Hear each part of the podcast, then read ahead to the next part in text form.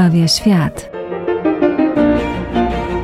Zapraszamy Państwa na audycję o dziełach sztuki, które mają wartość uświęcającą. I artystach, którzy poprzez swoją twórczość ukazywali swoją więź z Bogiem. Audycja Piękno zbawia świat. Radio Jasna Góra. Zapraszamy.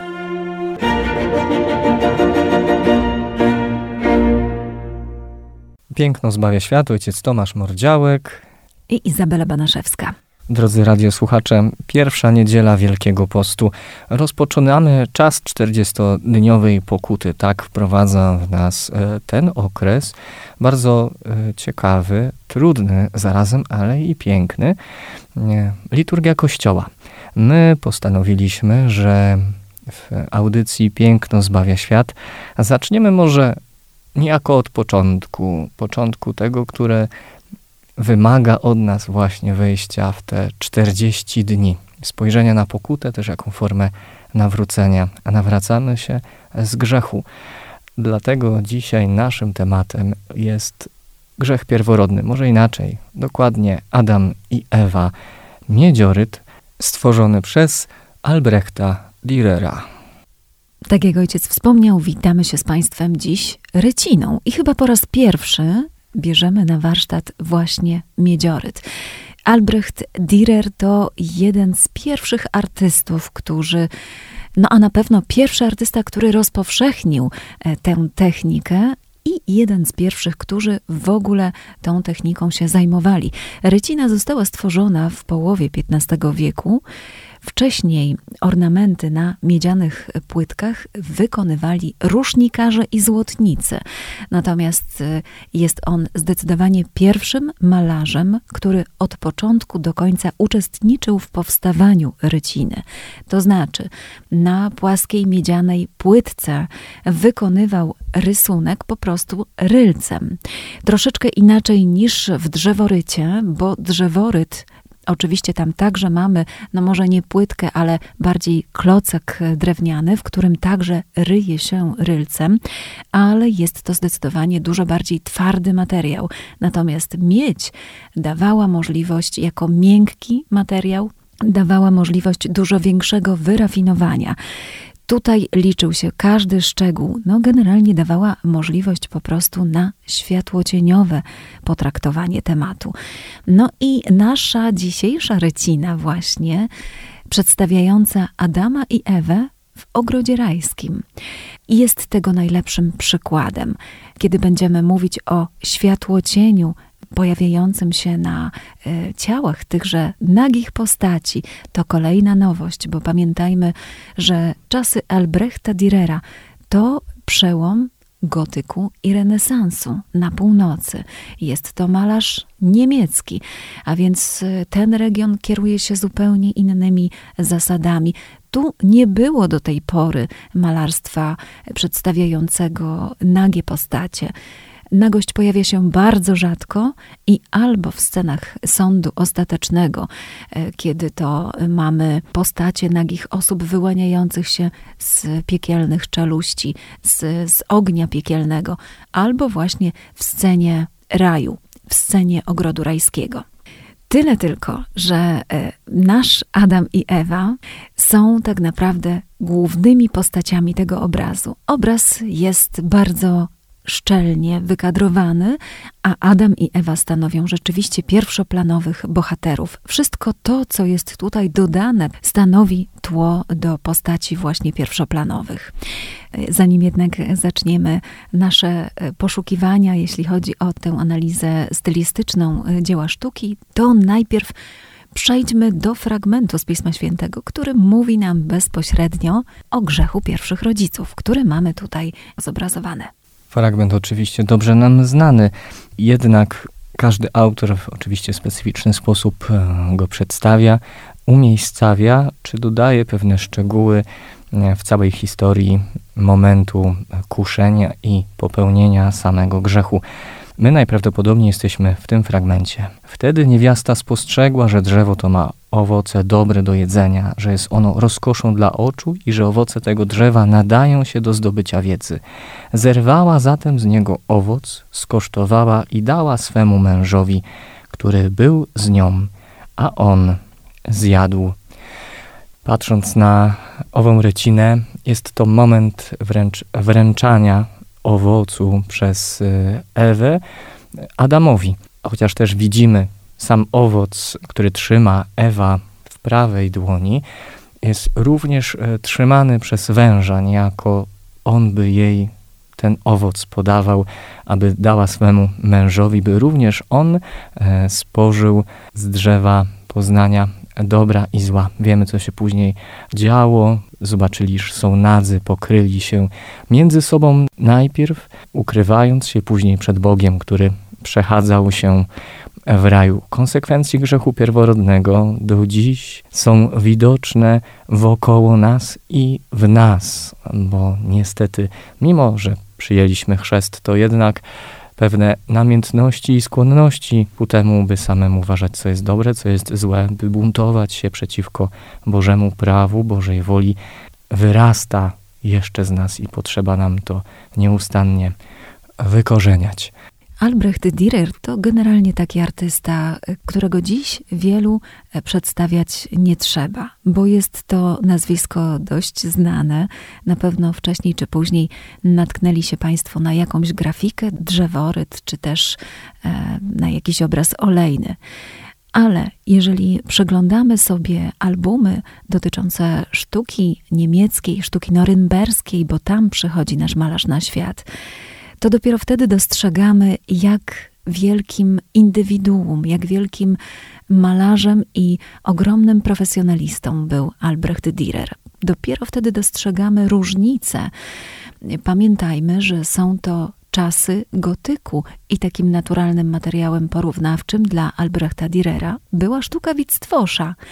Znamy Wittstwosza, oczywiście autora naszego genialnego ołtarza w niebowzięcia Najświętszej Marii Panny w kościele mariackim w Krakowie. I teraz, jeżeli mamy porównywać formę gotycką do tego, jaką formę e, serwuje nam Albrecht Dürer, dopiero wtedy widzimy różnicę, prawda? Generalnie Dürer jest bardzo wyjątkowym człowiekiem, bardzo wrażliwym na naturę. Zachwyca go, co widzimy zresztą w jego grafikach, zachwyca go y, przyroda, cały świat ożywiony. E, jest w stanie poświęcić grafikę tematowi chociażby trawy, jakiegoś ziela, jakimś zwierzętom, które będzie bardzo chętnie e, malował jest takim, można powiedzieć, botanikiem, amatorem ale może najpierw kilka słów na ten temat, jak rozwija się ta jego twórczość. Tę jego naturalną skłonność do odtwarzania rzeczy, które widzi wokół siebie w naturze, dostrzegają jego rodzice i bardzo szybko chcą go skierować do jakiegoś warsztatu. Naturalnym warsztatem będzie warsztat jego ojca, który jest złotnikiem. I tam tak naprawdę Dürer postawi te swoje pierwsze kroki, jeśli chodzi o rzemiosło artystyczne. To również będzie bardzo ważne, bo złoto jest także miękkim materiałem i jemu ta praca z dłutem, z rylcem przyda się później do tego, aby tworzyć fantastyczne drzeworyty i miedzioryty, fantastyczne grafiki. Jest on również zdecydowanie rysownikiem. No tego też możemy się spodziewać. To są te pierwsze umiejętności, których nabywa w warsztacie złotniczym, ale to mu nie wystarcza. Chce więcej, chce się uczyć malarstwa. Zostaje wysłany do warsztatu malarza i rzeźbiarza Michaela Wolgemuta. Dzięki niemu poznaje tajniki sztuki malarskiej, ale to także mu nie wystarcza. Konieczna jest podróż. No i on oczywiście odbywa taką podróż. Przede wszystkim ważne jest, aby tutaj powiedzieć, że w XV wieku malarze niemieccy marzyli o tym, by dorównać malarzom z Flandrii. Fascynowała ich sztuka Van Eycka, Rogera van der Weydena i Dürer właśnie, aby dorównać tym malarzom, wybiera się w taką podróż, robi jednak krok dalej i dosłownie, i w przenośni, ponieważ musi e, dotrzeć do Wenecji. Niektórzy tę podróż do Wenecji kwestionują, ale to jest niemożliwe, żeby nie dotarł do Wenecji, która na tamten czas była siedzibą sztuki, w której to malowano według ustalonych naukowych zasad perspektywy i naukowych zasad proporcji anatomicznych. A zatem dociera do miejsca, które jest tak naprawdę kolebką artystów. Jest oszołomiony tym, co widzi. Napisze w jednym ze swoich pamiętników, że młodzi niemieccy malarze są jak dzikie drzewo, nigdy nie szczepione po tych wszystkich doświadczeniach, e, które będzie miał właśnie spotykając się ze sztuką Andrei Manteni, który także będzie tworzył grafiki. Oczywiście spotyka się także ze sztuką wybitnego kolorysty Belliniego, który na tamte czasy jest oczywiście naczelnym malarzem Wenecji. Zresztą pochwali Direra w ich późniejszym spotkaniu, kiedy to Direr będzie już musiał dowieść, że jest nie tylko autorem grafik, ale także malarzem, znakomitym kolorystą, że zna reguły, zasady panujące w, w sztuce barw, a więc zostanie również i pochwalony przez Belliniego. Jednocześnie Direr jest też ogromnym patriotą nie chce pozostać w Wenecji, mimo że Wenecjanie proponują mu roczną pensję. Proponują mu, aby osiedlił się w Republice. On powraca do Norymbergi, ale chce, aby niemieccy malarze doświadczyli sztuki włoskiej, sztuki intelektualnej, wystudiowanej, w związku z czym ostatnie lata swojego życia poświęci na tworzeniu traktatów i powstaną niezwykłe jego traktaty, opublikuje traktat Pouczenia o mierzeniu cyrklem i linią, traktat o fortyfikacjach, a także traktat o proporcjach ciała ludzkiego. To wszystko zrobi dla potomnych, dla malarzy niemieckich, aby móc wyswobodzić ich z panującego wówczas w malarstwie niemieckim schematu jeszcze mocno głęboko tkwiącego w tych korzeniach średniowiecznych, w naleciałościach gotyku międzynarodowego. A więc robi coś więcej. No i rzeczywiście, jeżeli oglądamy sobie te albumy, wracając do mojego wstępu, dotyczące sztuki północy, to tam nagle napotykamy na malarstwo Albrechta Dürera, na coś, czego nie moglibyśmy spotkać, gdyby nie jego weneckie podróże, gdyby nie to, że zafascynował się malarstwem intelektualnym. I między innymi też na tej podstawie zaczyna tworzyć miedzioryty. Jest on już e, generalnie dobrze znanym artystą i autorem grafik drzeworytów, ale miedzioryty to formy niewielkie i bardzo wystudiowane. On tworzy je przede wszystkim dla wyrafinowanej publiczności, dla odbiorców indywidualnych, ale przede wszystkim dla właśnie intelektualistów poetów, teoretyków sztuki, a zawiera w nich wiele subtelnych szczegółów, które odczytać mogą jego zdaniem tylko wykształceni ludzie, nie patrycjusze. Czasy po wynalezieniu druku dają taką możliwość na rozpowszechnianie tych kalk, które pierwotnie panowały w średniowieczu. No tutaj drzeworyt, no i właśnie miedzioryt będzie genialnym materiałem. Dzięki temu Dürer zyska światową sławę, zanim skończy 30 lat swojego życia. Te jego sztychy będą rozpoznawalne w wielu miejscach na świecie, Oczywiście ma to swoje plusy, ale będzie miało także i minusy. Z powodu oczywiście praw autorskich. Jest to pojęcie, które my w tej chwili już znamy. W XV wieku ono nie było jeszcze kompletnie znane, a Albrecht Dürer musiał walczyć o swoje prawa, e, jako że właśnie grafiki były kopiowane, były po prostu odbijane, a mało tego handlowano nimi jako oryginałami wielość szczegółów, czy szczegóły, które daje nam dealer w tymże miedziorycie, miała odczytywać inteligencja między nimi. A zatem, czy te wszystkie zwierzątka, które tam widzimy, mamy i kota z myszą, mamy i e, królika, wół, e, papuszka, która jest nad głową Adama i w oddali, gdzieś tam na górze, najprawdopodobniej kozica. Czy te wszystkie zwierzęta coś konkretnie nam mówią, pani redaktor? Jak to zwykle bywa w obrazach, muszą nam mówić. Oczywiście, że tak. Ale przede wszystkim to mamy tutaj, i myślę, że na to powinniśmy najpierw położyć nacisk, taką idyllyczną scenę, prawda? Rajskiego obrazu, ukazującą taką pierwotną harmonię. Zwierzęta nie wiedzą, że za chwilę ta harmonia stworzenia zostanie zakłócona. Tak, gdyż mamy moment zerwania owocu. Jeszcze nie został on e, spożyty, a zatem wbrew słowom Ewy, która wypowiedziała, że nawet jeśli dotkniemy owoc tego drzewa, to pomrzemy. No nic obecnie się nie stało, ale widzimy harmonię, bo mamy przed sobą e, na samym dole spokojnego kota, prawdopodobnie drzemiącego, a może wylegującego się gdzieś tam, jakieś promienie może słońca na niego e, padają, żeby mógł się ogrzać, a przed nim jest spokojna myszka, która nie boi się swojego dla nas w dzisiejszych czasach naturalnego przeciwnika, e, drapieżnika. Jest to też obraz, który później Biblia nam przedstawia, chociażby u proroka Izajasza, o tym, że to, co się działo w rajskim ogrodzie, ta harmonia, ten brak walki o pożywienie na zasadzie, że ty możesz zostać moją kolacją, że się tak wyrażę, nie ma. Przyszłość e, życia czasach mesjańskich, czyli czasach też Królestwa Bożego, ma być wypełniony pokojem. Tak mówi o tym prorok Izajasz. Wtedy wilk zamieszka wraz z barankiem, pantera z koźlęciem, razem leżeć będą, ciele i lew paść się będą pospołem i mały chłopiec będzie je poganiał.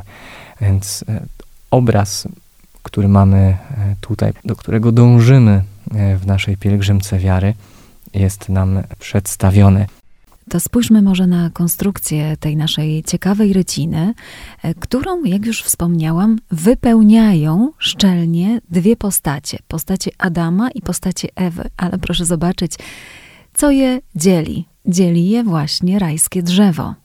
Ono jest na środku, prawda? A wokół gałęzi tego drzewa owinięty wąż, który trzyma w pyszczku owoc. Jednocześnie ten owoc z pyszczka węża próbuje łapać, chwytać Ewa.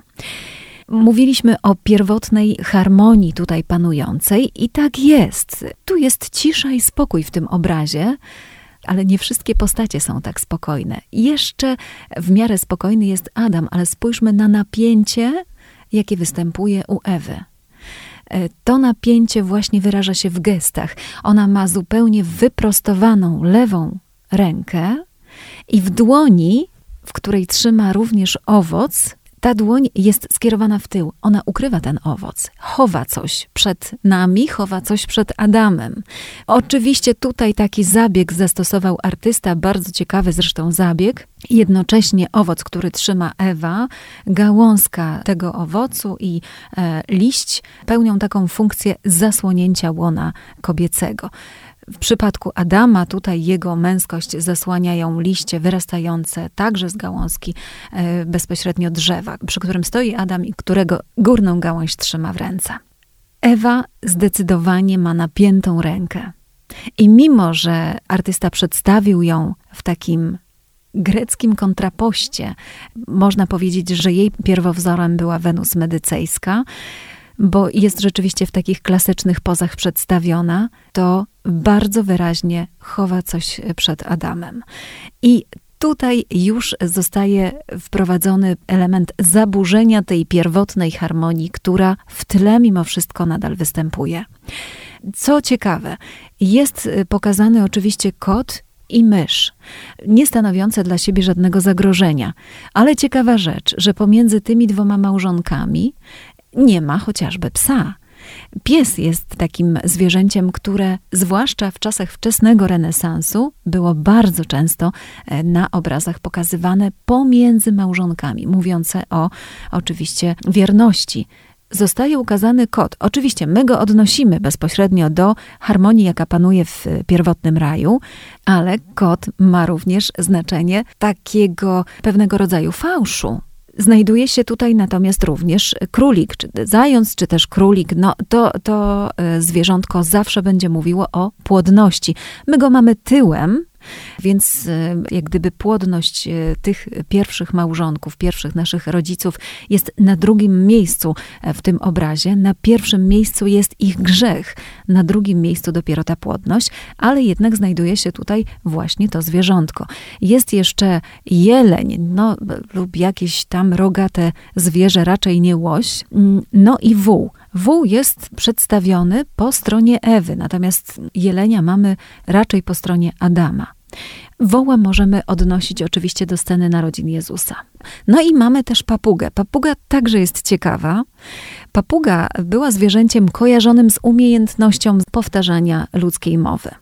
I na co nam tutaj ta papuga chce zwrócić uwagę? No proszę zobaczyć, że ona siedzi na gałązce, na której zawieszona jest również tabliczka, a ta tabliczka to tak naprawdę monogram artysty. On się tam podpisał. Dokładnie możemy przeczytać Albrecht Dürer Noricus Faciebat. No i mamy datę. Dlaczego tak dokładnie artysta podpisał nam tą swoją recinkę? Ponieważ e, wspominałam już, że tworzył on miedzioryty sam, zupełnie sam, bez pomocy tak zwanych formschneiderów, którzy to zajmowali się wyryciem na tej płaskiej, miedzianej płytce rysunku, natomiast oczywiście twórcą rysunku zawsze był artysta. Tutaj Albrecht Dürer daje nam bezpośrednio znać, że jedno i drugie jest jego autorstwa. Więc papuga po prostu jest tutaj umieszczona, aby nam o tym powiedzieć, aby nam zasygnalizować bardzo ważną rzecz. A zatem mamy jeszcze jedno zwierzątko, węża. Oczywiście wiemy, z czym nam się kojarzy, jeśli chodzi o raj, o y, czasy Edenu. I gdy spoglądamy na recinę, nasze oczy kierują się właśnie w tym momencie, gdzie wąż podaje e, owoc, zakazany owoc do dłoni Ewy. No ja patrząc mimo wszystko okiem laika i e, kapłana, chrześcijanina, widzę moment e, cały czas trwania w pokusie, bo to w sumie grzechem jeszcze nie było, bo nic nie zjedli, ale trwa pokusa. Jednocześnie, czyli to jest ten moment napięcia, o którym wspominaliśmy, i wiemy, co się dalej za chwilę wydarzy, że oni pójdą za pokusą. Patrząc jeszcze na węża, jest tam taki drobny szczegół. Pewnie różnie można by na to spojrzeć czy zinterpretować. Ja, przyglądając się temu bliżej, widzę tam cztery gwózdki w głowie węża. Co jest dla mnie niebywałe, bo w całej e, sytuacji napięcia i tego dojścia już prawie że do grzechu mamy promyk nadziei. Tak, ja to widzę i tak wydaje mi się, że mm, autor mógł to przedstawić. Promyk nadziei już odkupienia, zniszczenia konsekwencji tego, co się ma za chwilę wydarzyć, bo pamiętamy, gdy Bóg spotkał się z Adamem i Ewą po grzechu, gdy pytał się, gdzie jesteście, co zrobiliście, co się dokonało. Słyszymy później protoewangelię, czyli tą pierwszą dobrą nowinę, że potomstwo niewiasty zmiażdży głowę węża. Ono tylko ugryzie mu piętę, natomiast jego głowa będzie zmiażdżona. I widzimy to, to zmiażdżenie już, już w tym momencie, którym są gwoździe, co jak nic myślę, że odnosi nas do odkupieńczej ofiary Chrystusa, który był przybity do krzyża. No, ktoś może wspomnieć, no trzy gwoździe zazwyczaj, ale artyści różnie przedstawiali mimo wszystko naszego Zbawiciela na krzyżu. Nieraz są to trzy gwoździe, nieraz cztery, gdyż nogi były przybite osobno, a nie razem. Tak, rzeczywiście na potwierdzenie takiej teorii, takiej interpretacji odbioru tego e, obrazu wskazuje także i ten wół, który leży w dolnym e, lewym rogu tego obrazu. No tutaj artysta mógł namalować lwa chociażby, prawda? Dlaczego wół? No właśnie dlatego, że wół nam sugeruje, że kiedyś wstające przyjdzie na świat Zbawiciel. Więc e, może to rzeczywiście potwierdzać e, tę interpretację, o której ojciec tutaj wspomniał. Ja jeszcze chciałam zwrócić Państwa uwagę na ciała. Ciała Adama i Ewy mają tutaj znamiona rzeźby. Wyglądają jakby były wyrzeźbione fantastyczna muskulatura y, zarówno postaci Adama, jak i Ewy. E, fantastyczne, rozwiane włosy Ewy. Proszę zobaczyć, na jak wiele szczegółów pozwala nam tutaj taka technika, jaką jest właśnie miedzioryt.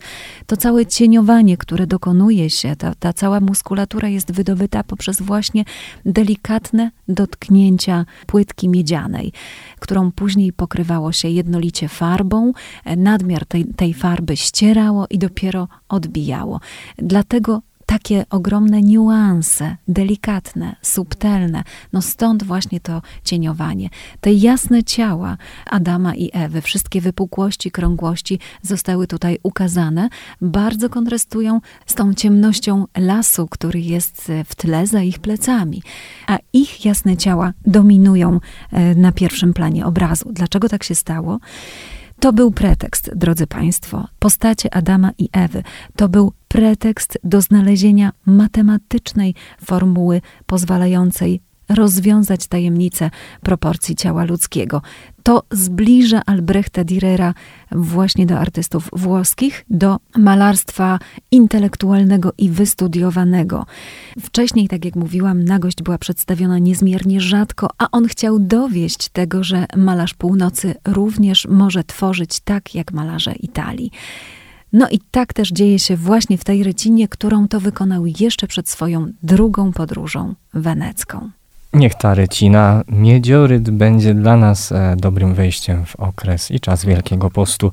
Spojrzenie, fakt na słabość i grzeszność pójścia za pokusą, ale jednocześnie tej nadziei, to co jest właśnie w centrum tej ryciny. Pokusa jednocześnie od razu z nadzieją, że przeciwnik nasz, e, diabeł, zostanie zgładzony. Już zresztą został zgładzony przez e, miażdżącą e, siłę ofiary Jezusa Chrystusa. A zatem z ryciną Adam i Ewa, która pokazuje, że w sztuce, umyśle i świadomości Albrechta Dürera dokonała się synteza dwóch wielkich tradycji, dwóch wielkich światów, ale też i dwóch wielkich epok. Zostawiamy Państwa do przyszłego tygodnia. Dziś dziękujemy już za uwagę. Do usłyszenia. Do usłyszenia.